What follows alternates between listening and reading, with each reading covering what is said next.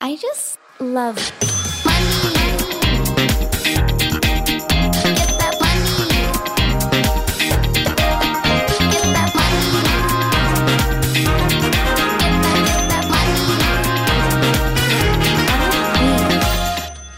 Hjertelig velkommen til nok en episode av Karrierekvinner. Gjesten min i dag er en dame jeg beundrer på så mange plan. Hun er en fantastisk kunstner og maler de sykeste bilder. Og i tillegg så er hun helt insane på poledance. Hver gang jeg ser det, så blir jeg sånn Jeg blir sittende og se på de videoene om og om og om igjen. For det er så rått. Og jeg gleder meg til å grave litt mer i hodet på gjesten min i dag. Og det er selvfølgelig ingen annen enn fantastiske Thea Elise Klingvall. Hjertelig velkommen hit! Tusen takk, og tusen takk for en helt uh, syk introduksjon. Jeg kommer til å gå ut her og være stolt. Det er fortjent. takk. Og vi to vi er jo fra samme sted. Ja, Vi er fra Porsgrunn. fra Porsgrunn. Ja, Ja. P-Town. P-Town. Åh, jeg skulle egentlig dra dit i forgårs, men jeg droppa det. Du droppa det. Jeg pleier som regel å, å droppe det, eller sånn, jeg drar dit for å besøke mamma og pappa, men det blir altså sjeldnere og sjeldnere da. Men jeg må kanskje bli litt bedre på det. Du har ditt liv her i Oslo, så jeg skjønner jo det. Ja. Det er en stykke å dra, faktisk òg. Ja, altså det Mm. går, helt, det går helt greit å dra dit, liksom, men ehm, men eh, altså, tid er noe jeg kunne hatt mer av. Kjenner meg igjen i det. Ja. for å si det sånn. Ja. Men jeg husker jo deg, selvfølgelig husker jeg deg, men veldig veldig godt fra videregående. Eh, Spennende. ja, for det, det jeg husker da, det er at du satt mye i kantina og tegna. Jeg gjorde det, det Ja. husker ikke jeg. Nei, og jeg husker det, og jeg husker jeg så eh, bildene dine og blei helt sånn wow, for du tegna Wow. mye på den tida, så husker jeg til og med hva du tegna. Du tegna hjerter. Oi. Hjerter, altså hjerter i, i ja, kroppen. anatomiske, hjerte, anatomiske hjerter. Ja, det er jeg fortsatt veldig glad i, faktisk. Ja, og jeg husker at på den perioden så tegna du det, og det var en sånn, for vi spilte jo også håndball, ikke sammen, men på hvert vårt lag, Ja, vi er jo ett år mellom oss. Ja. Men da husker jeg at du var liksom en av de kule idrettsjentene, men Wow. også litt sånn kunstnerisk, så det husker jeg veldig godt. Jeg følte meg jo egentlig så lite kul på videregående, og jeg drev jo på en måte studerte kunst på fritiden, og det tror jeg ikke så veldig mange visste, hos Jonny da. Jonny Anvik som jeg var student hos, og det var derfor jeg tror jeg tegna mye, men jeg, for jeg husker nesten ikke skolen for meg, siden jeg gikk på idrettslinja og var idrettsjente, det var jo ikke kunstrelatert i det hele tatt, så det er så morsomt at du sier det, fordi det der har jeg helt glemt. Ja, for jeg husker det veldig godt. Ja. Men hvordan er det for deg? Har du alltid tenkt at det er kunstner du vil bli? Oi, nei, det er jo ganske Det har jo vært en sånn reise hvor det har vært litt sånn frem og tilbake, egentlig. Ehm, jeg tror Altså sånn Prøv å gjøre den veldig kort, da. Så har jeg jo alltid vært eh, veldig glad i å tegne og male. Og det, det Hadde det ikke vært for at mamma plukka det opp og på en måte skjønte at det var noe jeg likte, For hun så på en måte at hun observerte meg jo når jeg gjorde det. Og fant tilbudene til meg. Det var hun som fant, først sendte meg på kulturskolen. Vi har jo sånn, Jeg vet ikke om du husker den, lokale kulturskolen Jeg var der selv, på dans. Ja, ja. Mm. Jeg var på, på dans og på, og på tegning, da. Og så så hun at på en måte jeg gikk litt forbi de andre elevene, at kursene ble litt sånn enkle for meg etter hvert. Så det var jo sånn hun fant Jonny eh, og sendte meg på skole hos han. Og dette var ikke ting jeg spurte mamma om. sånn, hei, kan jeg få lov til å, få lov til å dra dit? Hun fant det for meg, og det var hun også som når jeg var liten som satt og malte med meg på kvelden. og Jeg var jo litt heldig, fordi det var jo før jeg hadde søsken. Så eh, mamma hadde jo ganske god tid til å på en måte sørge for at jeg fikk eh, dyrke det jeg var glad i. Da. Eh, og så la jo, hadde jeg litt kurs og sånn hos Jonny, og der var det jo på en måte meg. Jeg var tolv år når jeg starta. Eh, 12 år? Ja, Det er jo veldig, veldig, veldig, veldig ungt, er det ikke det? Jo, og det var jo meg og masse voksne mennesker på sånn 30-40-50 år. Eh, og jeg følte meg jo som jeg gikk på, på, en måte på høyskolen, for det var jo veldig seriøst. Og jeg var veldig sjenert som barn også. Jeg tror ikke andre opplevde det, men jeg tror på en måte når man ser tilbake at man husker den usikkerheten, liksom. Um, så det gjorde jo også at jeg var veldig flink lytter. Um, det, det fikk jeg beskjed om John, fra Jonny etterpå, fordi noen år etter det så valgte han jo å legge ned liksom, skolen, da, fordi han tjente greit på bildene. og og sånn, Men det er jo veldig ensomt å være kunstner, selvstendig kunstner. Du sitter jo i mange timer og maler. Ja. Eh, og han ville ha jeg tror det var litt fordi at han, Det er jo veldig vanlig å ha elever for å lære kunsten videre. Det er på en måte en gave, og du må ha For å gjøre den kunsten jeg driver med, så må du ha veiledning. Fordi det er anatomi, og det er mye prøving og feiling, og du må ha noen som retter deg før du klarer å på en måte se feilen og sånn selv. Eh, så han tok meg inn som privat praktikant. Da. Eh, og han forklarte grunnen, og det var litt fordi jeg var liksom sosial, men var flink til å lytte og satt stille og rolig og jobba. Eh, og fordi jeg var ung, såpass ung også, da, og kunne liksom de, ja, var flink, håper jeg han syns jeg var. Jeg ja, han så jo tydeligvis et potensial i deg der, da. Ja, mm. så var jeg der da litt fram og tilbake fram til jeg var sånn Egentlig frem, skulle, frem til jeg skulle flytte, og da måtte jeg jo på en måte ta et ganske stort valg, for han ville jo på en måte sende meg til Florence Academy, som er en fine art school i Italia. Hvor du lærer deg virkelig liksom, de gamle, klassiske teknikkene og maler egentlig sånn som renessansekunstnere gjør. Um, men jeg var ikke klar for å sitte på et fjell i Italia som 19-åring. Og jeg trodde kanskje det var bare gamle folk der, og at det kom til å bli ganske kjedelig. Altså, mitt inntrykk av kunstverdenen var jo at den var nydelig, men jeg er jo også veldig energisk med tanke på idrett og de tingene der, og jeg ville ha en normal studietid, så da valgte jeg å på, begynne på BI istedenfor. For det husker jeg nemlig, at du gikk på BI ja. i Kristiansand, for der var jo jeg også. Ja, stemmer, stemmer. Og det husker jeg, at du, for det er en av tingene jeg husker, at liksom, ja, du studerte jo økonomi, så det var jo noe helt annet. Ja, og det var jo et ganske, jeg er jo sånn, sånn Sett tilbake så er jeg ganske takknemlig for at eh, selv om jeg var ung, fordi jeg føler når man er 18-19 år, så har man fortsatt et barn. liksom. At jeg klarte å tenke strategisk, fordi det jeg tenkte da var uansett hva jeg skal gjøre senere, så er økonomi i bunn, om jeg skal drive for meg sjøl, veldig lurt. Eh, og hvis jeg hadde jo Jeg tenkte jo også at jeg har ikke lyst til å leve på liksom, luft og kjærlighet og kunst i starten, så da kan det være greit å ha liksom, en corporate jobb først. Eh, og kanskje kunsten bare ville bli hobby. Altså fortsatt, Jeg hadde jo et inntrykk av kunstverdenen at det var veldig ensomt. Og at, um, og at uh, det var veldig, veldig rolig og jeg var fortsatt liksom sulten på livet og de tingene der. Så jeg tenkte at det var liksom på en måte en bra grunnbase. Og, men økonomistudier er jo for så vidt ganske tøft. Mye lesing. Eh, så da la jeg jo nesten kunsten helt på hylla i to-tre år. Ja. Men siste året mitt på BI så var jeg litt sånn Hva vil jeg egentlig? Eh, og jeg husker pappa spurte meg hver dag sånn Hvem er du? At jeg skulle stille meg selv tre spørsmål da, for å på en måte finne ut hva jeg vil. Eh, ja. Hvem er du? Hva vil du? Hvor skal du? Du har fått veldig mye sånn fin støtte i foreldrene dine, da, som ja. har fått deg til å reflektere og som har på en måte bygd opp under det de har sett, Veldig. er deg, da. Veldig. Så mm. kombinasjonen av det. Mamma på en måte ville jo at jeg skulle bli ballettdanser og kunstner, tror jeg. Mens pappa ville at jeg skulle bli økonom og håndballspiller. Jeg husker han som den hissige håndballtreneren.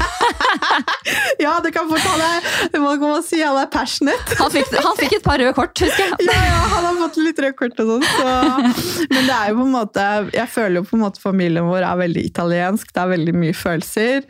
Eh, og det kan gå en kule varmt. men så er det også mye kjærlighet og støtte der, da. Mm.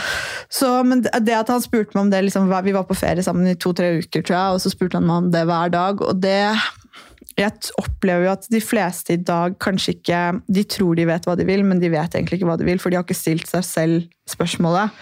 Og i Norge så føler jeg Nå har jeg vært veldig mye ute og reist, og nå skal jeg ikke si at alle er sånn som jeg kommer til å beskrive det nå. Eh, men jeg føler vel at Norge har en veldig sånn flokkmentalitet, og det tror jeg det tror det er ganske mange som tenker det, egentlig. Og det er vanskelig å skille seg ut pga. janteloven og disse tingene der. Men hvis du vil på en måte f.eks. bli selvstendig næringsdrivende eller være kreatør, da, så må du jo putte deg selv uti der og være deg sjøl 100% og unik. Og eh, kanskje skape litt blest. Eller det, det, det, burde man jo. Eh, og det kan Det er jo tøft. Ja, for hvordan er det å måtte For da bruker du jo veldig mye av deg selv i kunsten, men også i en måte du på en måte markedsfører deg selv på, da. Ja, ja, og det er jo, sånn som med kunsten og meg, så er jo det på en måte veldig enkelt, fordi jeg må jo hele tiden tenke på så lenge jeg bare er genuin. Men da, det betyr jo at jeg må være 100% trygg på den jeg er. Så, mm. Sånn som nå, da. Jeg skjønte jo for jeg, jeg, er glad for at ikke jeg har på en måte hatt suksessen jeg har hatt før nå. For jeg hadde mm. ikke vært sterk nok til å håndtere det. Eh, mens nå, hvis jeg får en kommentar eller kritikk, så må jeg vurdere er det kritikk jeg er enig i. Eller er det bullshit? Ja. Eh, og alle kan jo kritisere, så det er jo på en måte plukke ut hva er det som er noe jeg kan bruke til å vokse på. hva er egentlig bare... Så nå kan jo egentlig hvem som helst si hva som helst til meg, spesielt med tanke på sosiale medier og de tingene der. Eh, folk har jo kalt meg for prostituert fordi jeg driver med poledancing liksom, i kommentarfeltet på lokalavisa og på Facebook og sånn. Liksom. Og det er sånn, det, det, det bare sklir av meg. Liksom. Det, er noe, det er ikke noe problem. Men hvis jeg får kritikk for eksempel, av folk jeg ser opp til, så, må jeg, så tar jeg jo en større vurdering, og det, da tar jeg det som kritikk. liksom. Spesielt når det kommer til kunsten og sånn. da. Mm, Er det verre å få kritikk på kunsten enn på deg personlig? på det du, Eller går det sånn som hånd i hanske? på en måte? Det kommer helt an på hvem kritikken kommer fra. Jeg føler jo at jeg har fått mer på en måte positiv feedback de siste årene enn en person på en måte trenger. Mm. Så jeg er jo veldig sånn Jeg sier jo til de jeg er glad i, gi meg kritikk eller tilbakemelding, spesielt på kunsten og sånn, for det er den eneste måten jeg kan bli bedre på. Um, men det, er, det, er, det kommer helt an på situasjonen, egentlig. Det er sånn jeg føler kritikk treffer når du vet at det stemmer. Det er, det er noe med det, for så, det er sånn som du sier det med å være genuin. da, Når du merker at ok, jeg, nå er jeg genuin, så da, da betyr det egentlig ingenting hva andre sier. Men hvis man kanskje merker at man har gjort noe litt på kompromiss med seg selv, Ja. eller at man er litt enig i den kritikken, Ja. så treffer det jo eh, mye hardere. Men det er jo som du sier, det er jo da man bruker det 100%. For Ja. å vokse. da. Ja, det er akkurat det. Og det er jo sånn, det å lære å på en måte elske seg selv, det er jo lang reise. Og jeg har jo tenkt det hele Altså 20-årene føler jeg på en måte er akkurat den reisen. Både liksom lære å være seg selv 100% lære seg at ikke du kommer til å bli akseptert og likt av alle. Eh, og jeg har jo kjent i hele de, de, den, de tiåret da, at liksom jeg har trodd hvert år at å, nå er jeg trygg. Og så kommer det et år til, og så bare Oi, nei, men jeg var jo egentlig ikke trygg da. Eh, og så bare vokser det og vokser. Så tror jeg når man treffer, det har jeg hørt fra veldig mange også, når du treffer liksom 30, det er da du får en sånn ro hvor du bare synker inn i deg sjøl og bare sånn Å ja, det er dette det er å egentlig være komfortabel i sin egen skin, da. Mm. Jeg kjenner meg veldig igjen i det, og jeg vet at eh, det er, det er jo en sånn, husker jeg ikke akkurat hva det kalles, men fra du er 28 til du er 30, så kalles, så kalles det Jeg husker ikke helt hva det kalles, men det er jo en periode som for mange er veldig tøff. For det er akkurat Ja. som du liksom går, og det kan jeg kjenne meg veldig igjen i. Morsomt at du sier det, for jeg Ja. snakker så mye om det med, med mennesker som er i den perioden, og det Mm. var desidert de tøffeste uh, desidert de tøffeste årene for meg også, tror jeg.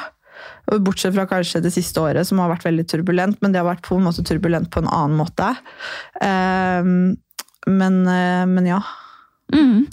Ja. Ja for, det, ja, for jeg tror mange kan kjenne seg inn i det, men jeg må litt tilbake til det med at når pappaen din stilte, sa at du skulle stille deg Ja, de tre spørsmålene ja, nei, men det, handler, det er jo en kjempefin greie, for det handler jo om det å finne seg selv og være tro mot seg selv. Ja. Hva var det svaret du kom fram til, da? Nei, og det jeg tenkte på akkurat da, da var jeg jo 2-23, så man må tenke på hvor man er på en måte i sin livsfase da også. Ikke helt klar for å på en måte være 100%, 100% selvstendig eller noe sånt. noe. Så det jeg tenkte da var, da var jo, jeg hadde kanskje to to eller tre options. Det var skal jeg bli på en måte siviløkonom og ta en master i økonomi? Skal jeg gjøre noe kreativt, men corporate? Eller skal jeg liksom gå tilbake og bli kunstner? Og det å gå tilbake da og bli kunstner, det var veldig fjernt, fordi da hadde jeg vært så inne i økonomiverden at jeg ville Jeg så for meg på en måte min ideale situasjon, og det var å jobbe i et kreativt team på dagtid, og så gå hjem og gjøre kunst på kvelden. Mm. Så da søkte jeg meg inn på både arkitektur og på Westerdals. Eh, og der, er en, der var det en linje som het eh, retail design, som er kommersiell interiørarkitektur. Og det går jo også veldig igjen med kunsten. Så jeg inn, var heldig å komme inn der, og jeg er veldig glad for at det ikke ble til arkitektur, for da hadde jeg på en måte ikke da, Når du er arkitekt, så er du arkitekt. Det er liksom en egen kunstform, og det er fem til seks år skolegang. Eh, Da starter du på nytt, liksom, og det er jo beintøft. Jeg tror de studerer mer enn leger, liksom. Ja, jeg, Min bestevenninne har jo en eh, samboer som er utdannet som arkitekt. Han var jo aldri hjemme. Han, han sov jo på skolen. Ja, det har vært Så- skrevet veldig mye om det. Så um, jeg tror jo igjen, det var en timing, vi snakka om det før vi starta. Det er jo Jeg tror alt skjer for en grunn. så i ettertid så er jeg jo veldig takknemlig for den kombinasjonen jeg har. Og sluttoppgaven min Jeg dro faktisk til Australia for å få litt mer dybde, fordi Westerdals er veldig konseptuelt. og eh, du lærer på en måte å tenke Åpne alle kanaler for å tenke helt utenfor boksen og kreativt, og det er veldig bra. Eh, samtidig så syns jeg det var veldig enkelt, så jeg ville ha litt mer sånn tyngre faglig innhold, da. Så jeg dro til Australia for å studere liksom mer konkret arkitektur. Mm. Eh, og så sluttoppgaven min var jo å forske på, eller bacheloroppgaven min var liksom å dykke ned i hvorfor Hvordan da gjorde jeg det til en kunstoppgave også, da, kunst og interiør, og hvorfor vi stiller ut bilder vi stiller ut i dag. Og da var det jo på en måte å se på kunsthistorie. Hvorfor har noen kunstnere fått det til? Hva skal til for å på en måte fenge mannen i gata versus kunstverden og sånn. Så det var jo på en måte, Og da kom jeg i kontakt med masse kunstnere i Oslo, og sånn, så det var, det var liksom den perfekte avslutningen. Det som jeg synes er veldig interessant med deg, er at du eh, slår meg som en som er Du er en kreativ og liksom svevende sjel, ja. men samtidig er du veldig strategisk. Du har liksom ja. tenkt veldig strategisk hele veien. Og så det jeg merker at du gjentar mye, er det at ok, og så ble det for lett. Da måtte jeg finne noe som gjorde at det var litt vanskeligere. At du hele tiden søker ja. utfordringer for deg selv. Da. Hva tror du det kommer av? Nei, det, det vet jeg faktisk ikke, men det var derfor det var, jeg tror jeg kom inn på Westerdals pga. motivasjonsbrevet. For du må skrive et motivasjonsbrev hvorfor du skal komme inn og argumentere for det. da. Uh, og da har jeg definert disse to sidene, for de har vært ganske uh, markante for meg hele tiden. Og da har jeg definert det som Thea og Elise, siden jeg har to navn. Så Thea hun er venstre side Nei, høyre side er det venstre, Nå husker jeg ikke om det er venstre eller høyre, for den ene er logisk, og den andre er kreativ. Uh, jeg tror det er Venstre siden er gjerne den kreative, og høyre siden er den logiske delen. Um, så da valgte jeg å definere det som to personligheter i, i et samme menneske. Mm. Så Thea hun er den logiske, strategiske, eh, risikokalkulerende, veldig glad i matematikk, veldig glad i å organisere. Og Elise er den superflytende, en sånn Harley Quinn-karakter som elsker å utfordre og erte og lage kunst og være rebell og spontan. Og disse to kriger alltid litt med hverandre, selv om mm. Thea som regel alltid har kontroll, fordi jeg er veldig, selv om jeg gjør noe som er farlig eller risikofylt, så er det fortsatt veldig kalkulert. Sånn som poledancing og henge opp ned, og du kan brekke nakken eller svømme med haier eller dra aleine på en eller annen reise eller et eller annet sånt noe.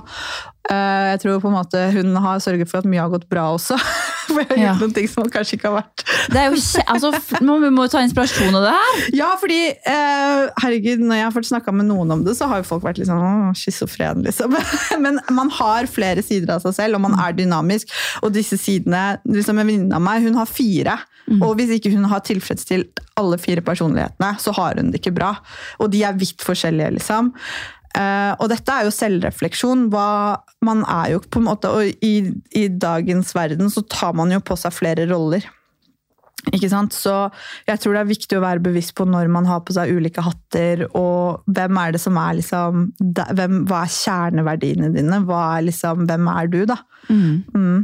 Det er en så stor del av det å på en måte bare bli, ikke bare voksen, men å reflektere rundt seg selv og livet sitt og hva man vil. Og det som du sier, at man er jo dynamisk. Man er, og man, det, noe av det jeg kan, eh, som trigger meg mest, mm. er å høre hvis noen sier til meg at jeg har forandra meg. Ja. For da blir jeg sånn Ja, det får jeg jo for guds skyld håpe at jeg har gjort. Ja. Fordi man, man, forandrer seg jo, og man utvikler seg. Og man er, ikke, man er ikke den samme nå som man var for ti år siden. Og det syns jeg er så kult også, hvordan du liksom hele tiden er på søken etter å finne ut mer om deg selv. Og det, som, det kommer mye tilbake til det du snakker om å elske seg selv. Da. Ja, mm. og jeg får jo ofte høre det at jeg har hatt veldig Det virker som jeg var jo nylig i New York, og da snakka jeg med nye mennesker om alt jeg hadde gjort. og sånn, Da får jeg høre hele tiden, og det høres ut som du har hatt så mange forskjellige liv. Og så husker jeg det for noen år tilbake at jeg leste at du skal prøve å ha så mange liv inni ett liv som mulig, og teste forskjellige ting. Eh, og jeg også har tenkt mye på det du sa i forhold til det med at folk sier at du har forandra deg. Jeg føler ofte det, for jeg har også fått mye det er måten det blir sagt på. ikke sant? Ja. 90, eh, altså 70% av kommunikasjon er på en måte tone, tone, of voice og kroppsspråk og de tingene der. Og jeg har jo hele tiden måttet Når jeg har vært sikker på hva jeg ville, noe som jeg alltid har på en måte gjort, så har jeg alltid fått høre av folk rundt meg som er glad i meg. Eh, hvorfor skal du det? Tror du at du kom, det kommer til å ordne seg? Og det har jo vært frykt, sånn som mamma har jo sagt det noen ganger, men det har vært fordi hun har vært redd for at ikke jeg skal ha penger til å leve. Mm. Eh, men så fra venner og sånn, så har det jo vært fordi at de ikke har tort å følge drømmene sine. Og det er litt sånn man må være Hvis man skal gå ut og gjøre det man vil, så må man være forberedt på at de som er nærmest, kommer til å Og det er ikke det at de ikke er glad i deg, men det er fordi at de er redde. ofte, og ikke for deg, men for seg sjøl. Altså, Mm. de er redde, de føler at de står kanskje stille, da. Ja, og da, da blir du på en måte en markør for den frykten Ja. som de egentlig sitter eh, med inni i seg selv. Da. Mm. Og det, det kan jeg også kjenne meg veldig igjen i. da. Ja, ja. Med å være liksom en søkende sjel Mm. og eh, egentlig alltid har følt at det er noe annet der ute for meg, og noe Ja, ja. større. Og det kan både være en blessing and a curse, fordi Ja, ja.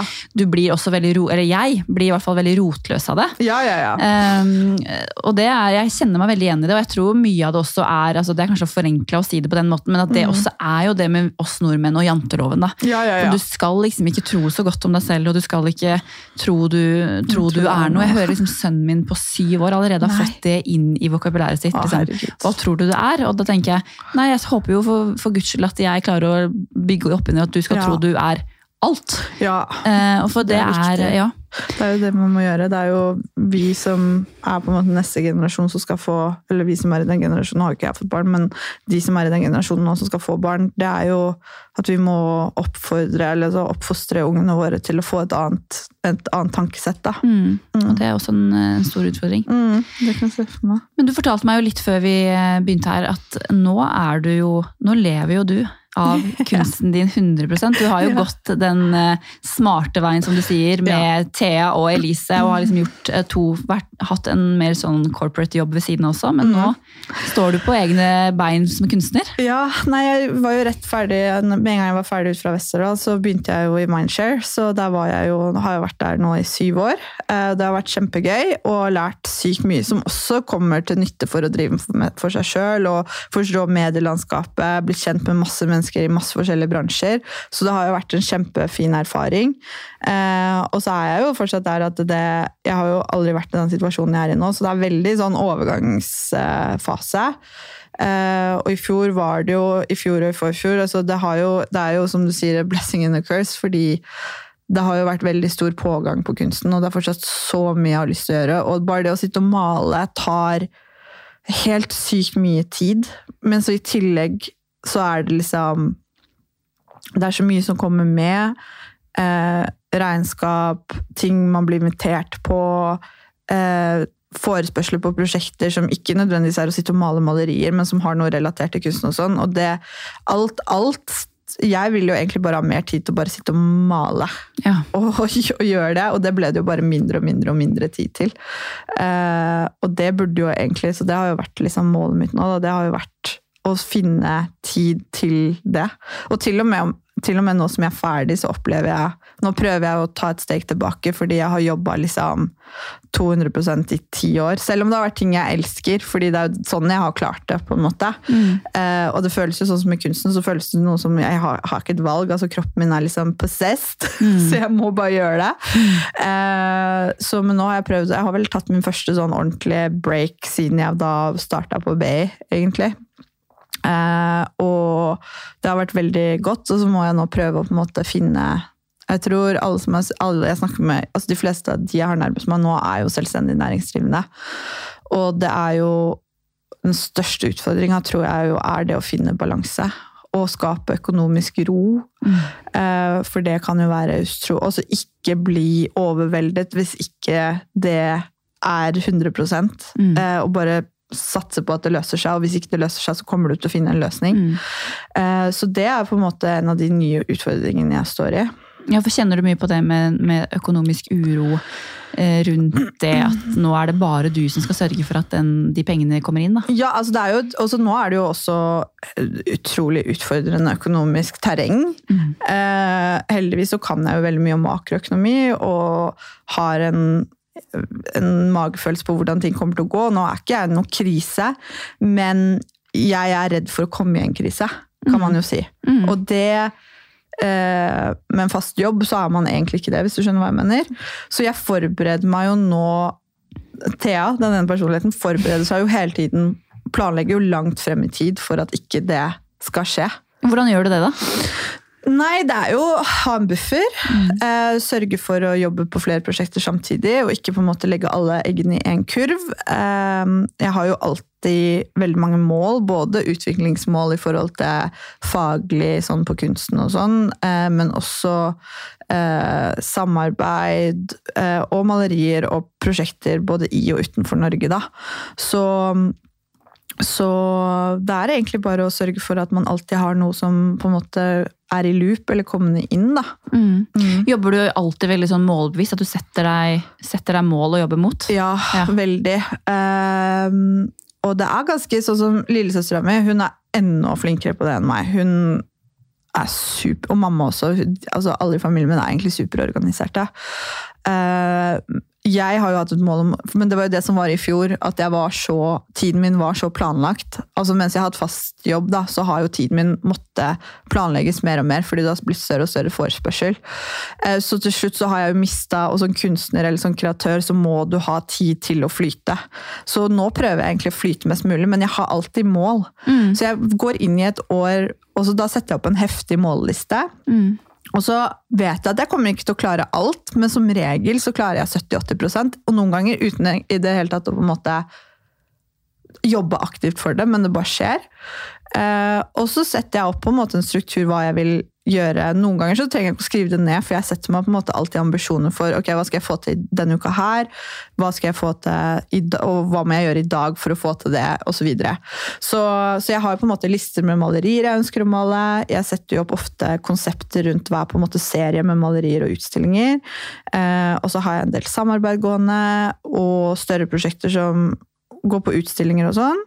Eh, og reiser som er i forbindelse med kunsten. da, Søke opp nye gallerier og sånn. Så nå er det på en måte, nå har jeg ikke hatt en utstilling på to år fordi jeg har ikke hatt tid. Eh, jeg har masse, jeg har, og så har jeg prøvd å holde tilbake malerier og litt sånn, fordi jeg vet ikke helt hvor altså Jeg prøver å legge opp en plan og strategi for hvor jeg vil stille ut, hva som er fornuftig, hvor jeg vil være. Det er jo litt sånn hvordan man skal på en måte plassere seg som kunstner, da. Ja, for jeg la merke til, eh, jeg tror det kanskje er et par år siden, mm. hvor dere, du la ut på Instagram eh, på nyttårsaften, at dere satt en gjeng venner og skrev opp Ja. masse mål sammen. Ja, ja. Og det henta jeg masse inspirasjon fra, faktisk. Fordi det er jo tidenes nyttårsfors, jeg pleier ikke å, det som er så gøy, ikke se på det før året etterpå. Eh, og jeg skriver alltid en liste liksom i desember, eller noe sånt nå, så legger jeg den litt bort, fordi du husker det intuitivt hva du, hva du på en måte har mål som. Og så er det veldig gøy å ta den opp igjen da rett før nyttårsaften neste år, og se hva du faktisk har fått til. Ja, det, Nå nærmer det seg jo nyttår, på en måte, så det er jo Ja. et supergodt tips til de som hører på. å gjøre det. Og så som du sier, Skriv den da, og så ser du på den neste, altså når du er i desember eh, samme år. da, Og bare ok, hvordan er jeg kommet i forhold til det jeg har skrevet? da? Ja, og det er kjempe... Og du, du burde ha Jeg prøver jo på en måte å ha en jevn variasjon om mål. Da. Det er liksom ikke bare økonomiske, f.eks. Det er litt sånn markedsmål og hvor, hvem jeg vil skal på en måte se kunsten min, og sånn. Men så er det også liksom Å, jeg ønsker å meditere mer. I, i år så var blant annet på en måte eh, to av mine personlige sånn mer mentale mål var nummer én være supertakknemlig. Eh, nummer to faktisk være litt slem, fordi at jeg kan ofte si ja på vegne av andre. Og, Men jeg må lære meg å si mer nei, men da vet jeg at jeg kommer til å føle meg som slem. Mm. Og da er det bedre å ok, men målet i år er faktisk å være litt slem. Liksom. Ja, Og så klare å stå i det og vite at liksom, jeg gjør det for min egen del. da. Ja, det er akkurat det. fordi det handler ikke om at jeg gjør noe feil. For det er, fortsatt, det er helt ok å si nei, men jeg får dårlig samvittighet. Liksom. Og da må jeg bare akseptere at jeg kommer til å føle meg litt dritt. Mm. Ja. Og jeg, jeg kjenner meg så igjen i det, men det med å være liksom people pleaser, og så til slutt så går det på bekostning eh, av deg selv, Ja. og, så, og så bare forsvinner så mye av det som er viktig for en selv. da.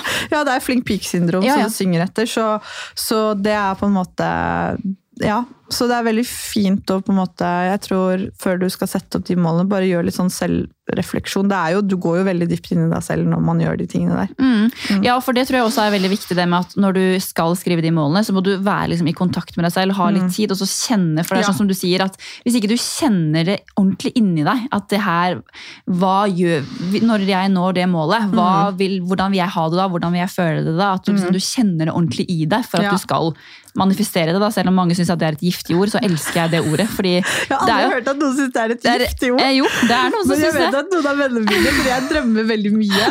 Jeg drømmer veldig høyt, jeg drømmer veldig mye, og jeg kaller det jo for manifestering. Og jeg er sånn, jeg blir ikke skuffa hvis det ikke skjer. Noen får jo sånn der ekstrem skuffelsefølelse hvis ikke drømmene går i oppfyllelse. Men som regel så har alle drømmene mine gått i oppfyllelse. Liksom, fordi det starter med en drøm, og så blir det en plan, og så gjennomfører du. Men du må ha jevne, evne til å planlegge, og du må ha evne til å gjennomføre. ikke sant? Så jeg, jeg mener at manifestering er liksom fordi når jeg setter de målene, så sitter jeg en hel kveld aleine. Kanskje med et glass vin, kanskje uten noen ting, kanskje jeg mediterer, jeg bruker lang tid. Um, og gjøre en selvransakelse, da. Eh, og det er jo det som også er, føler jeg det der at manifestering ut giftig jord, det føler jeg også er liksom pga. janteloven og sånn, fordi du skal ikke drømme så stort. Det er akkurat det der. Eh, så jeg er bare sånn, fuck det, hvis ikke jeg hadde drømt stort, og hvis ikke jeg hadde fortsatt å følge drømmene mine, selv om folk hadde sagt å, det kommer til å gå til helvete, så hadde jeg ikke vært her jeg er i dag, liksom. Nei. Så Og det er en annen ting jeg legger veldig merke til med det du gjør også, som skiller deg fra veldig mange andre. Det er at du også er veldig veldig god til å løfte fram andre. jeg prøver, det er også et mål jeg har i år, faktisk, Ja. fordi um, jeg, det var faktisk en kompis av meg fra USA som som minte meg på det, fordi der er de Jeg har kommer jo rett fra USA også, men jeg har en del amerikanske venner. Uh, De er veldig flinke på å backe. Backekulturen der er ekstremt stor.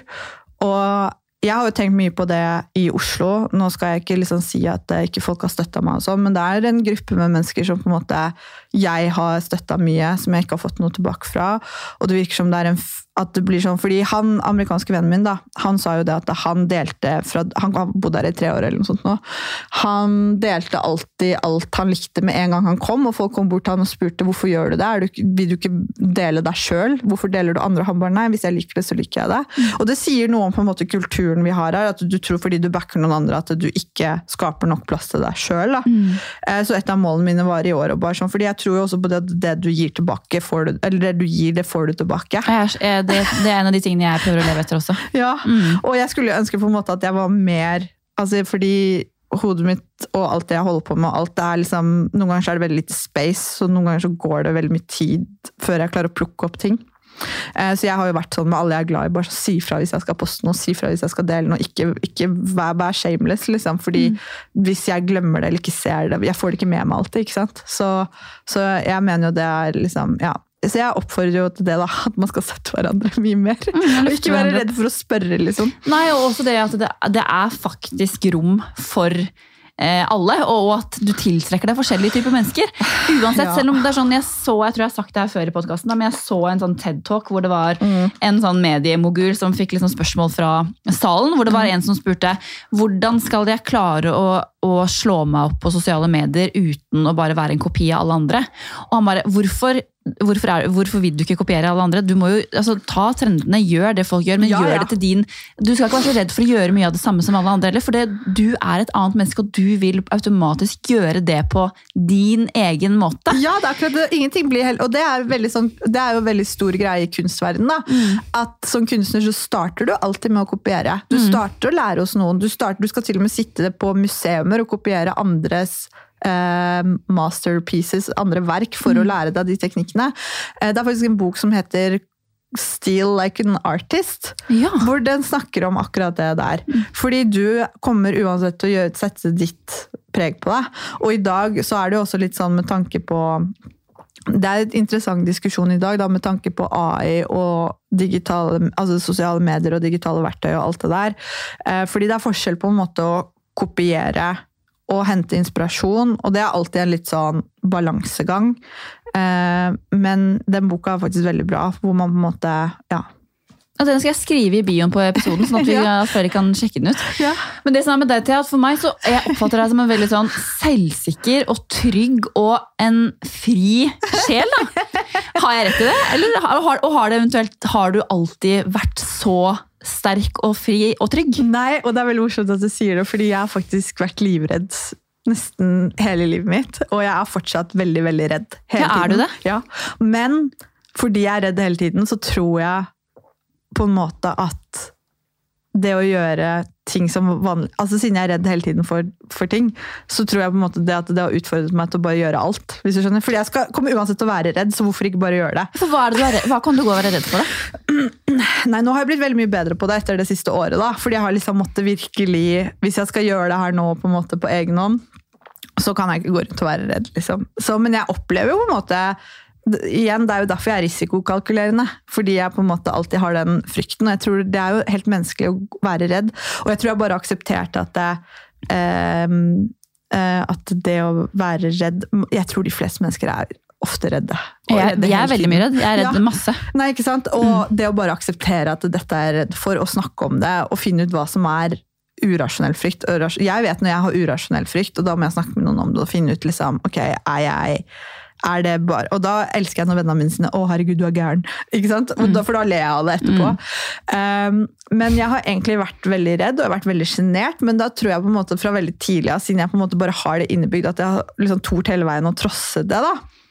Og så har jo målet mitt liksom sånn, Når jeg f.eks. Uh, gjør yoga og manifesterer, og sånn, så er jo hva intensjonen Det er som regel å ikke være redd.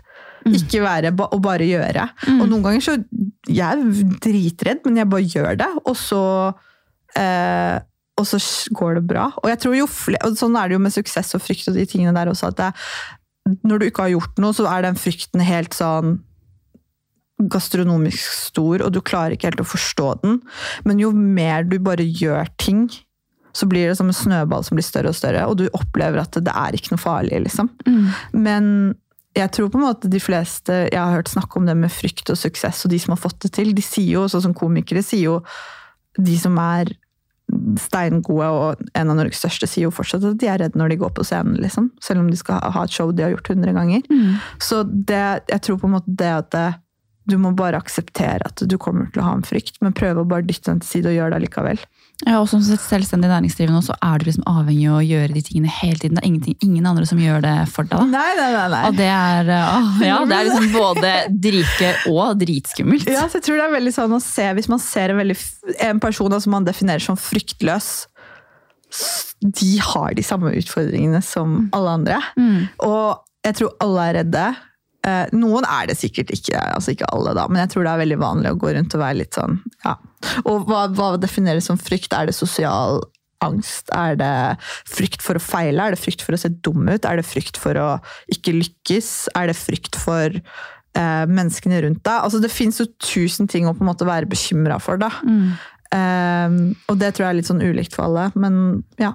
Ja, jeg kjenner meg veldig ofte igjen i det at hvis jeg får en stor mulighet, eller hvis eh, det er noe jeg har lyst til å gjøre som jeg egentlig vet at jeg kan klare, så får jeg ofte en veldig sånn selvdestruktiv tanke om at jeg, hva hvis jeg ikke klarer det? Ja. Hva hvis jeg ikke ser fin nok ut? Hva hvis jeg ikke klarer Ja. å prate bra nok? Hva hvis jeg ikke hva hvis det, altså, ja, At jeg, jeg driver hele tiden og går i sånn krisetanker. Og det kan Jeg også gjør være det samme sjøl, Ja. men det, det som man må bare gjøre da, og så må man være takk seg sjøl når man har gjort det, fordi den følelsen du sitter igjen med etter du har gjort noe du er redd for, selv om det ikke gikk bra, det er målet i seg selv. Mm. Eh, og så en ting som jeg syns er veldig fint, er det frykten for å se dum ut. Dem må du bare på en måte legge til siden og heller le av det etterpå. Mm, For Det er jo ofte den største frykten man sitter i, man Ja. sitter med, men samtidig så er også det et veldig sånn Da er du inne i en veldig sånn egotripp, egentlig. Det er akkurat det, Du Ja. må svelge ego. Sånn som jeg er jo egentlig veldig sånn, jeg kan være dritseriøs og snakke om de dypeste tingene, og så plutselig kan jeg switche over til å bli tolv år igjen og bare le og være helt klovn, liksom. Mm. Og det aksepterer jeg på en måte med meg selv, for før så trodde jeg på en måte man måtte være. og det snakker om, det, det er, Dette er disse rollene igjen, hvilke på en måte roller man har på seg. Mm. Og det er det, sånn som når jeg var på kontoret, når jeg først begynte i Mindshare, da, så følte jeg på en måte at jeg var 10% meg sjøl, fordi jeg var så ordentlig og på en måte bla, bla, bla. Og så i løpet av to år, og, jeg, og så husker jeg på en måte en av lederne min kom og sa at det var bare sånn, nei, vi elsker deg, du er jo så lugn og fin å ha på kontoret, og eh, fantastisk vesen. Og jeg tenkte bare sånn, shit, dere har bare sett 10% av personligheten min. Når jeg liksom unleasher nesten 90 Men det gikk jo veldig bra. Ja. Uh, og så tror jeg kanskje fordi at jeg er kunstner også, så opplever jeg på en måte at folk nesten forventer det litt. Mm, ja. Så jeg tror jeg kommer unna med mye. Ja, kan, ja, kanskje. Og jeg fall det er veldig befriende. Og så er det sånn, jeg har så lyst til å høre litt mer om også hva du blir Hva er det som inspirerer deg? Er det, når er det du er liksom i den kre, største kreative flyten? Uff, altså det som inspirerer meg, og det har jo vært veldig tydelig fra dag én, og det er jo også noe jeg måtte tenke lenge på å finne ut av hvorfor, men fordi jeg var veldig sjenert og alltid har vært veldig redd, så har det jo vært sterke kvinnelige forbilder. Og det har jeg sagt helt fra dag én. Så det har jo på en måte vært jeg har jo, Og det var jo sånn det starta, egentlig. At jeg var sånn Jeg forestilte meg den personen jeg skulle ville være. Og så i begynnelsen da, når du fortsatt er veldig usikker og redd, så må du bare late som du er den. Og så implementerer du det, og så blir det en personlighet, liksom. Og så fortsetter den bare å vokse. Så, og det handler ikke om å være fake, eller noe sånt, noe. det handler om at du forestiller deg og, så, og da starter du å gjøre det, og så ser du at det går bra. Og så, og så blir det den du faktisk Fordi den du drømmer om å være, det er jo den du egentlig er, men du må bare finne det potensialet, liksom. Å, det der synes jeg er så fint når du sier, for det er den du drømmer om å være. Det er den du er. Ja, for det du hadde ikke hatt de drømmene Nei. hvis ikke det hadde vært en del av deg. Akkurat. Og det, eh, jeg hadde, forrige, for to uker siden så hadde vi en som heter Kari Oppsal her. Ja. som er, Hun er jo eh, synsk, Ja. men også, og hun er helt fantastisk. Og hun har sagt det til meg så mange ganger når jeg har vært hos henne. Ja. At du hadde ikke kunnet drømme de drømmene hvis ikke det er det er, liksom, det er oppnåelig for deg, og det er, det er i deg. 100 Mm. Og det er liksom litt sånn Det er jo igjen Nå er jo en av mine sånn Jeg har noen kjernetemaer som jeg er veldig opptatt av. Det er jo eh, makroøkonomi, og vi snakka litt om, men psykologi, men også det i forhold til det spirituelle. Da. Det er jo for alle. Eh, Her kan du snakke om det, for det, det, det går jo igjen i kunsten også. Det gjør det. Mm. For, for meg så er jo, har jeg et veldig sånn behag altså For det første, spirituell, det kan, for meg så defineres det som at du bare tror på Du er ikke ateist, da, du tror ikke på noen ting. Det betyr ikke at man ikke tror på vitenskap. Eh, og, og det handler egentlig om at du bare har For meg så handler det om å ha tillit til at ting skjer for en grunn. Det er veldig digg når verden brenner. og du står i kaos. Eh, For jeg vet ikke om folk Jeg har i hvert fall erfaringer med at når det har gått til helvete, så har det kommet noe bedre ut av det. Eller så har jeg lært noe, og det har gjort det bedre seinere. Så det er på en måte å ha tillit til det.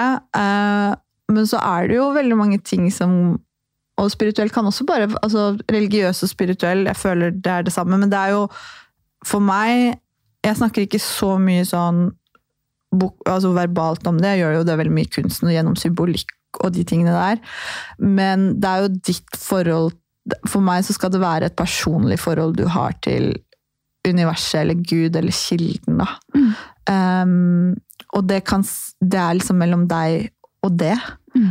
Um, så jeg har ikke noe Jeg liker ikke å snakke om det heller, for jeg vil ikke på en måte påvirke folk til å Det er på en måte opp til hver enkelt å finne sin egen vei dit. Den veien tror jeg ofte man finner når det er meninga at du skal Ja. finne den. For da, kommer du til et punkt i livet, eller du er på en Mm. plass hvor du kanskje søker mer, da, og så Ja.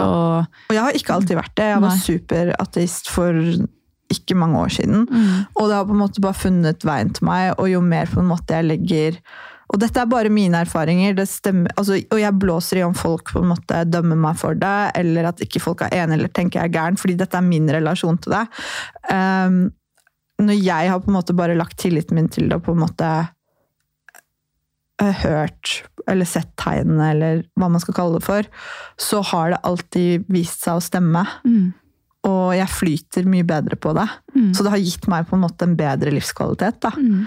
Eh, men igjen, det er opp til hver enkelt å på en måte finne sin vei dit. Jeg tror på en måte det å være kristen eller muslim eller jødisk eller det er også en vei dit, og det er hva som gir oss trygghet til å være en bedre utgave av oss selv, faktisk. faktisk. Ja, fakt, og jeg er helt enig. Det er det med det også å stole på prosessen, Ja. eh, og være trygg på at ting er lagt opp for deg for at det skal gå godt for Ja. deg. ja. Og ha den, den troa på det. Og så tror jeg Mhm. for mange som syns at det her kan høres veldig sånn svulstig og fjernt Ja. ut, så handler det jo også veldig mye om bare å faktisk sette av tid til å gå litt inn i deg selv. Ja, for det er det det handler om. Det er sånn som meditasjon, da, for eksempel. Man trenger ikke å være spirituell for å gjøre det. Det handler jo først, og For meg også så er spiritualitet handler om å se innover og bli kjent med seg selv. Og det trenger ikke å være noe at du tror på Gud eller noe sånt. Noe. Altså, og, og det handler jo om å på en måte bare finne en ro, som jeg tror er veldig vanskelig i dag. Med alt som skal stjele oppmerksomheten vår, og påvirkning. Og, Og alle og forferdelige ting som skjer i verden, og hvordan man da minst. Du kjenner deg sikkert igjen i det, sånn som meg, Ja. at man tar det jo litt innover seg, eller veldig innover seg. Og det Ja. Eh, kan komme til et punkt hvor det på ingen måte er oss som sitter i trygge Norge det er synd på, men at det, Nei, er også kan, det. det- at det på en måte også ikke gjør oss noe godt heller. Nei. At man må, eh, må på et eller annet vis klare å håndtere og sette de liksom, eh, sperrene litt for seg selv. At ikke man, ja. Ja. Men nå blir det en veldig svevende Nå svever det veldig ut, men det, det er gøy å prate med noen som har litt likt, like opplevelser, og Ja. som, som jeg har på det. Men så er det også det med inspirasjon og, det, og det med kvinn, kvinnelig kunst, eller ikke kvinnelig kunst, men Ja. Kvinner i, den, i kunsten. For det jeg også Ja. legger merke til, som jeg syns er veldig eh, befriende med maleriene dine, det er jo at det er mye kvinner, og det er også mye kropp og nakenhet. Det er vagina det er, Ja, men det er, altså, det er, mye, det er mye kvinnelig kropp da, og mye ja. kvinnelig eh, frigjøring. Det er sånn jeg tolker det. Ja. Kan du ikke fortelle, eller snakke litt mer om det, for jeg syns det er så bra. Det er jo akkurat det du sier, det handler jo om frigjøring av kvinnen. Eh, og det er jo basert på på en måte min, min nærmeste opplevelse av det å være kvinne, og hva jeg ønsker, hvordan Ok, så vi snakket jo litt om det at verden er så grusom og sånn, fordi det er jo det som på en måte er eh, budskapet i kunsten min. Eller ikke budskapet, men det jeg forsøker å skape da, er jo en idealistisk verden. Det er romantisk. Eh, mange kunstnere dykker jo liksom inn i angsten og depresjonen sin, og det kunne jeg sikkert fint gjort også. Jeg tror kanskje jeg kommer til å gjøre det på et eller annet tidspunkt, men per, nå så har det jo vært et sted, et fristed, hvor jeg, en idealistisk verden man kan rømme til når verden er på sitt mørkeste. Eh, og med selvrefleksjon så har jeg også sett på utfordringene Mine personlige utfordringer har jo kommet av å være kvinne. Eh, Og jeg har blitt bevisst på at mange ting jeg ikke har vært bevisst på tidligere, som f.eks. Eh, dette med skjønnhet og kvinner og verdi i det. Eh, Og hvordan det er å være Vi blir oppfordret f.eks. hele barndommen og gjennom kapitalismen og markedsføring og, og sosiale normer at vi skal være vakre og yndige og vi skal være som idealkvinnen, da, som er basically som en Barbie. Og hvis vi er det, så har vi ikke noe annen verdi. Da falmer intelligensen vår og ambisjonene våre på en måte kommer i skyggen av det. Da. Eh, også det med kropp, og det går jo litt sånn i tråd med poledancing og sånn også, at jeg prøver å fremstille kvinnens kropp. Den kan verdsettes og bli sett på som utrolig vakker uten at man har lyst til å stikke penisen i den. Mm.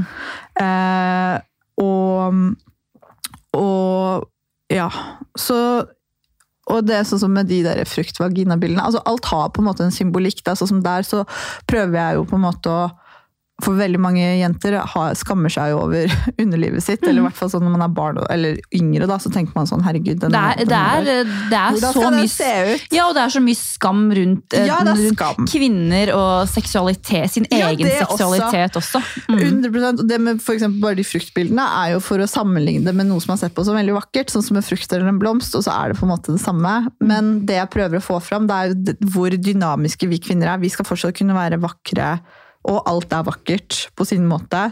Eh, vi er mødre, men vi er også seksuelle. Vi er, har utrolig ofte kontakt altså Vi er jo mer intuitive, vi har mer kontakt og skammer oss mindre over følelsene våre enn det menn gjør. Og det er hvordan vi er oppdratt forskjellig. Eh, samtidig så kan vi være superemosjonelle når vi har PMS, og kanskje være litt urasjonelle til tider. eller når vi er gravide. Eller, noe eller sånn. Eh, men så er vi også fryktløse, for det er jo ikke noe så sterkt som et morsinstinkt, f.eks. Hvor mye det hvor, hvordan et morsinstinkt kan sette himmel og jord i bevegelse, og styrken av det. Og så i dag så føler jeg fram til nå, så blir jo femininitet sett på noe som så svakt. Ja, vet du hva? Ja. Og det er jo det jeg prøver å, og det er derfor, igjen med poledancing og med kunsten, er hvordan kan man være feminin? For det har jeg, det, jeg har jo blitt tatt useriøst fordi jeg går i rosa kjoler og er feminin og kanskje for attraktiv for noen. da.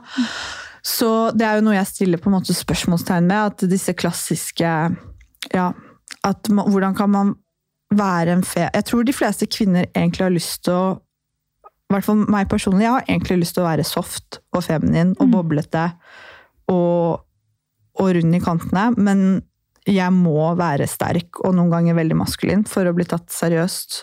Og det er jo mye hvordan, hvordan man har lært at det skal være. Altså du, Ja. Det ene skal liksom utelukke det andre. Ja. Og det er jo en ting jeg også er veldig veldig opptatt av, fordi, Mm. og som man kan møte litt på noen ganger også. For at jeg er en kvinne som er trebarnsmor, men også er veldig opptatt av hvordan jeg ser ut, og Mm. Opptatt ja, av estetikk i form av klær og skjønnhet. Og det skal du få lov til. Og det, det ja, og det er det jeg elsker, men da er det for Jeg oppfatter det innimellom Mm. at da utelukker det at jeg kan bli tatt seriøst Ja. i jobb, eller andre jobbrelaterte. Nå har jeg så heldigvis eh, skaper jeg min egen jobb, som ikke møter på de problemene. Mm. Men at det ofte er noe som kanskje har blitt litt sånn latterliggjort, eller at da mister jeg plutselig tyngde på det intellektuelle jeg har å komme med. Akkurat. Eh, og, og det er Og det er eh, vanskelig å sette fingeren på også, fordi det er eh, Det var ikke før en venninne av meg sa at eh, Legally Blonde, eller Lovlig blond, var hennes mest altså Det var den filmen hun så på som mest feministisk. Og da i begynnelsen så var jeg sånn Hæ, den er jo dritteit, liksom. Mm. Eller sånn, det er en lættis film, men Mm. den er, liksom, jeg tok det ikke seriøst. Til jeg begynte å tenke på det, var litt sånn Hvorfor, hvorfor det? Jo, hun gikk i rosa, var dritpen og liksom så ut som en Barbie. Men hvorfor ble hun ikke tatt seriøst? Hun kom inn på Harvard, hun var sykt smart, og ikke minst hun var dritsnill. Og så skjønte jeg at ja, men den karakteren der er jo også meg. Mm. Og da ble jeg sånn Oi, shit, men jeg har jo det har, Akkurat det samme har skjedd med meg i 100 situasjoner. Mm. Og noen ganger så er det bare en måte folk snakker til deg på. De sier ikke, altså Det er ikke ordene som liksom har noe betydning, men du merker at de behandler menn eller mer konservative personer eh, som kanskje ikke går i rosa, da, eksempel, Mm. annerledes. da. mm, at du må jobbe hardere for å overbevise dem om ideene dine, eller Mm. hva du sitter på. mm. Ja. Og det er veldig fort å vite at den veien er lettere å gå hvis man tilpasser seg litt eh, de boksene. Ja. Og det har jeg kjent på mange ganger. Jeg prøver å jobbe veldig for å ikke er å bare være fri i det. Og Ja. også, jeg har jo en datter. Ja. Ja, og, det er jo, og, og selvfølgelig det er jo kjempeviktig med sønnene mine også, men det er ofte i forhold til det vi snakker om nå, så er Ja. det mer belagt på, på kvinner på det. Og jeg prøver virkelig å være et forbilde der hvor hun ser eh, at jeg står og sminker meg og ordner meg hver dag. Det har jeg noen gang tenkt på. ok, Hvordan vil det påvirke henne? Men at jeg også er veldig opp, håper at jeg klarer å gi henne eh, altså At hun ser at man kan være det, men man kan også eh, være alt annet. Jo, og det er jo det som er målet, da. Så, ja, det er det som er målet, men det er en vanskelig, det er en vanskelig greie. Men ja, ja, eh, altså, jeg kunne snakka med deg i fire timer til. Jeg Ja. syns du er så reflektert og så inspirerende, og jeg syns det er veldig eh, befriende med Mm. en som snakker om de tingene som vi snakker om nå. Ja. Eh, Så det skal du ha. Jeg gleder meg til lytterne skal få høre det Eh. Men sånn helt til slutt, da, i og med at det her er en karrierepodkast, så er det, har du noen tips til andre kreative sjeler som sitter og hører på nå, som ønsker å eh, Det trenger ikke bare være å starte for seg selv, men å, Mm. å gjøre mer ut av den kreativiteten sin. Ja, altså det fins jo veldig mange tips man kan gi, da. Men altså første Bare gjøre det og feile. Du må feile mange ganger, og ikke være redd for det. Så egentlig liksom bare, som vi snakket om i sted, det største du kan gjøre, er egentlig å trosse frykten. Eh, og så prøve å skape space til det. Prioritere det. Og tenke litt sånn Jeg tenker tilbake til meg selv når jeg var ganske ung, da. At det som virker viktig da, ikke er viktig nå. Mm. Eh, nå kan det hende at det, det ikke er bare yngre lyttere. Jeg tror kanskje det er litt eldre mennesker også. Vi har en stor variasjon, ja. Ja, stor variasjon. Nei, og- men jeg ser jo liksom sånn som uh, Jeg opplever jo fortsatt at Jeg føler kanskje at den eldre generasjonen er enda mer redd for oss enn å se teit ut. Og bryte disse uh, conventional bubbles man på en måte lever i. Jeg litt, jeg oppfordrer jo mamma til å Jeg syns mamma er dritkul, og hun har så mye kreativitet og sånn. Men jeg, og hun er veldig flink til å trosse frykten sin, men vi må, noen ganger så må vi liksom snakke litt om det. Og det er sånn, Hun kan gjøre det samme med meg også, for noen ganger så er jeg redd for det samme. Men virkelig bare på en måte prøve å være så autentisk som man kan være. da. Mm. Og hvis du er redd, bare akseptere at det, det er alle. Og at det, det, bare gjør det selv om du er redd, liksom. Mm. Ja. Bare gjør det selv om du er redd. Det jeg skal være det avsluttende. ja. Tusen hjertelig takk for at du var her i Takk at dag, Thea. Og folk må bare finne deg på sosiale medier. Ja. Det, er, det er Thea Elise Klingvall Det er. Thea Kling på Instagram, og så tror jeg det er Thea Elise Klingvold på, på Facebook. Mm. Eh, Så har vi en nettside som heter Klingvold Issue, som jeg driver sammen med søstera mi. Og så er det Poll and Paint på TikTok. Du kan finne deg mange steder. Ja. Det håper jeg folk gjør. Og tusen hjertelig takk for at dere har hørt på denne episoden. Og så er vi tilbake igjen neste mandag. Ha det bra! I just love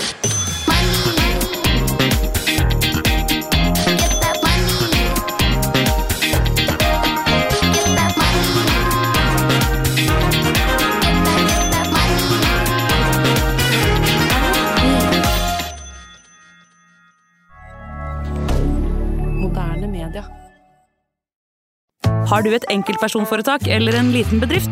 Da er du sikkert lei av å høre meg snakke om hvor enkelt det er med kvitteringer og bilag i fiken, så vi eh, gir oss her, vi. Fordi vi liker enkelt. Fiken superenkelt regnskap.